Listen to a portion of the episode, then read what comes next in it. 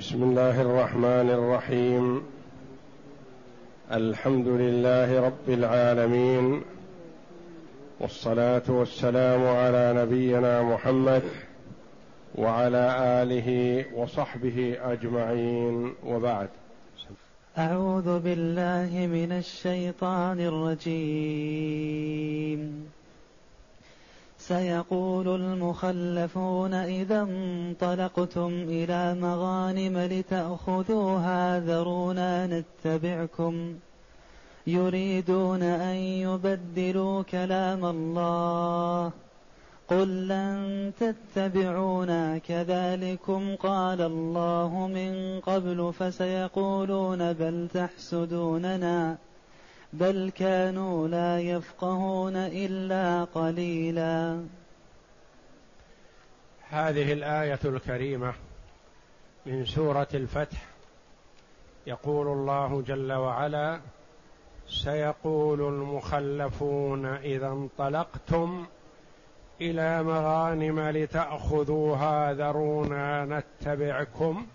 يريدون ان يبدلوا كلام الله وهذه الايه جاءت بعد قوله جل وعلا سيقول المخلفون من الاعراب شغلتنا اموالنا واهلنا فاستغفر لنا يقولون بالسنتهم ما ليس في قلوبهم قل فمن يملك لكم من الله شيئا ان اراد بكم ضرا او اراد بكم نفعا بل كان الله بما تعملون خبيرا بل ظننتم ان لن ينقلب الرسول والمؤمنون الى اهليهم ابدا وزين ذلك في قلوبكم وظننتم ظن السوء وكنتم قوما بورا ومن لم يؤمن بالله ورسوله فإنا أعتدنا للكافرين سعيرا ولله ملك السماوات والأرض يغفر لمن يشاء يغفر لمن يشاء ويعذب من يشاء وكان الله غفورا رحيما سيقول المخلفون اذا انطلقتم الى مغانم لتاخذوها ذرونا نتبعكم هذه الايه الكريمه اخبار من الله جل وعلا لعبده ورسوله محمد صلى الله عليه وسلم وللمؤمنين بما سيقوله المخلفون مخلفون الذين تخلفوا عن الخروج مع النبي صلى الله عليه وسلم الى عمره الحديبيه خلفهم الله جل وعلا لانهم لا يصلحون لمرافقه النبي صلى الله عليه وسلم في هذا السفر العظيم ولهذا قال الله جل وعلا عنهم مخلفون ولم يقل متخلفون يعني خلفهم الله جل وعلا سيقولون متى اذا اراد النبي صلى الله عليه وسلم ان يخرج من المدينه الى خيبر فالله جل وعلا وعد رسوله والمؤمنين غنائم سيأخذونها بعد عودتهم من الحديبية عادوا من الحديبية وجلسوا في المدينة بقية العام السادس من الهجرة وشهر وشيء من السنة السابعة ثم عزم صلى الله عليه وسلم على الخروج الى فتح خيبر والله جل وعلا اخبرهم عند منصرفهم من من من الحديبيه بانهم سياخذون غنائم لهم خاصه دون غيرهم ممن لم يخرج معهم الى الحديبيه فكانت غنائم خيبر لمن خرج مع النبي صلى الله عليه وسلم في عمره الحديبيه خاصه فقال هؤلاء المخلفون لانهم سمعوا ان الرسول سيخرج لغنائم في خيبر فطمعوا في الدنيا فطلبوا من النبي صلى الله عليه وسلم ان ياذن لهم في الخروج معهم الى خيبر ليصيبوا من الغنائم سيقول المخلفون اذا انطلقتم الى مغانم لتاخذوها هذه المغانم هي مغانم خيبر وعد من الله جل وعلا بانهم سيحصلون على هذه المغانم من خيبر لتأخذوها ذرونا نتبعكم يعني اتركونا نتبعكم اسمحوا لنا نخرج معكم نريد أن نخرج معكم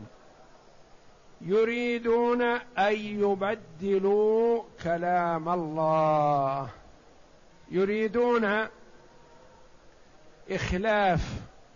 ما وعد الله لأن الله وعد أهل الحديبية غنائم خيبر فهم يريدون ان ياخذوا معهم خلاف ما امر الله جل وعلا بان غنائم خيبر لاهل الحديبيه خاصه يريدون ان يبدلوا كلام الله قل اي قل لهم يا محمد لن تتبعونا لن تخرجوا معنا ليس لكم نصيب في الخروج معنا سيقولون مثلا لما لما لا نخرج ألسنا نريد الجهاد والقتال في سبيل الله ونخرج معكم إلى قتال اليهود في خيبر أو حصارهم واليهود كانوا في خيبر قال الله جل وعلا كذلكم قال الله من قبل يعني الله جل وعلا وعدنا من قبل بأن غنائم خيبر لأهل الحديبية خاصة كذلكم يعني هذا الذي نقول لكم ونمنعكم من الخروج معنا قاله الله جل وعلا من قبل ليس الامر الينا فليس الامر الى محمد صلى الله عليه وسلم وانما هذا امر الله كذلكم قال الله من قبل وقد جاء هذا من قبل من فتره من أواخر سنة ستة من الهجرة والخروج الآن في أوائل سنة سبعة من الهجرة كذلكم قال الله من قبل الأمر ليس إلينا بل هو إلى الله جل وعلا فسيقولون يخبر الله جل وعلا بما سيقولون فسيقولون بل تحسدوننا لأن نظرتهم نظرة مادية مالية بحتة ما لهم نظر في الاحتساب ولا يقولون فاتنا هذا لأننا فوتنا أمرا عظيما وهو عدم الخروج مع النبي صلى الله عليه وسلم إلى الحديبية ما قالوا عادوا باللوم على أنفسهم وقالوا نحن الذين فرطنا يوم دعانا النبي صلى الله عليه وسلم الى الخروج معه ما خرجنا فنحن حرمنا انفسنا امرا عظيما من امور الاخره فشيء بسيط من امور الدنيا سهل لا هم, هم الشيء العظيم عندهم هو الذي يتعلق بامر الدنيا المال يريدون المغنم فسيقولون بل تحسدوننا سيكذبونك يا رسول الله يقول ما جاء الامر من الله وانما هذا حسد منكم انتم انتم تحسدوننا ان ننال منكم الغنيمه تريدون الغنيمه لكم وحدكم فسيقولون بل تحسدوننا اي ليس الامر جاء من الله اضراب ليس الامر كذلك وانما الاواقع ان هذا حسد منكم منك يا محمد ومن صحبك هم الذين انتم الذين لا تريدون ان نخرج حسدا منكم لنا في ان نصيب معكم شيء من المال بل تحسدوننا قال الله جل وعلا بل كانوا لا يفقهون الا قليلا بل كانوا لا يفقهون إلا قليلا ما عندهم فقه وما عندهم بصيرة وإنما هم جهلة وإن كان عندهم شيء بسيط من الفقه فهو في أمور الدنيا خاصة في سياسة الدنيا أما أمور الآخرة فليس عندهم منها شيء قل لهم يا محمد ليس الأمر كما تزعمون بأنه حسد منا نحسدكم ليس كذلك بل الامر الواقع والحقيقه انكم جهله واقبح ما يوصف به المرء الجهل وافضل ما يوصف به المرء العلم ولهذا يدعي العلم من ليس من اهله ويتبرأ من الجهل من هو أجهل الناس فلهذا وصفهم الله جل وعلا بالجهل لانهم لو كان عندهم علم وبصيره ما فرطوا في صحبه محمد صلى الله عليه وسلم الى مكه عمره ومع النبي صلى الله عليه وسلم والتوجه الى مكه محرمين ما ارادوا قتالا وفرطوا في هذا فهم فرطوا في خير عظيم ولما جاء المغنم رفعوا رؤوسهم وخرجوا يريدون الخروج مع النبي صلى الله عليه وسلم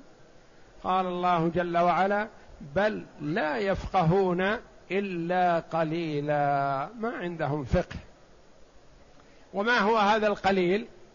هذا القليل الذي يتعلق بامور الدنيا او بمسايره الناس واظهار الاسلام لاجل الدنيا لتسلم رقابهم ولتسلم اموالهم والا فهم حرب على الاسلام والمسلمين واشد حربا من اليهود والنصارى المنافقون ففقههم قليل جدا وهو لا ينفعهم لانه في امور الدنيا خاصه والله جل وعلا في هذه الايه الكريمه اخبر النبي صلى الله عليه وسلم بما سيقوله المنافقون قبل ان يقولوه وقالوه كما قال الله جل وعلا يقول تعالى مخبرا عن الاعراب الذين تخلفوا عن النبي صلى الله عليه وسلم في غزوه الحديبيه إذ ذهب النبي صلى الله عليه وسلم وأصحابه إلى خيبر يفتتحونها أنهم يسألون أن يخرجوا معهم إلى المغنم وقد تخلفوا عن وقت محاربة الأعداء ومجالدتهم ومصابرتهم فأمر الله رسوله ألا يأذن لهم في ذلك معاقبة لهم من جنس ذنبهم فإن الله تعالى وعد أهل نعم خيبر جمر خاطر من الله جل وعلا لرسوله وعباده المؤمنين لما رجعوا من الحديبيه ما دخلوا مكه اعطى الله جل وعلا رسوله صلى الله عليه وسلم والمؤمنين امورا كثيره منها المغفره ومنها ادخال الجنه التي وعدهم الله ومنها هذه المغانم التي امر الله جل وعلا بها لهم ياخذونها خاصه فان الله تعالى وعد اهل الحديبيه بمغانم خيبر وحدهم لا يشركهم فيها غيرهم من الاعراب المتخلفين فلا يقع غير ذلك شرعا وقدرا ولهذا قال يريدون ان يبدلوا كلام الله قال إن الله وعد فهم يريدون أن يدخلوا مع المؤمنين في هذه الغنائم ليختلف وعد الله والله جل وعلا لا يخلف وعده نعم. قال مجاهد وقتاده وهو الوعد الذي وعد به أهل, أهل الحديبية واختاره ابن جرير وقال ذلك أن الله وعدهم متى حال انصرافهم من الحديبيه وعدهم هذه المغانم فوعد الله هو ذاك يريدون ان يبدلوا كلام الله ما وعدهم الله جل وعلا في انصرافهم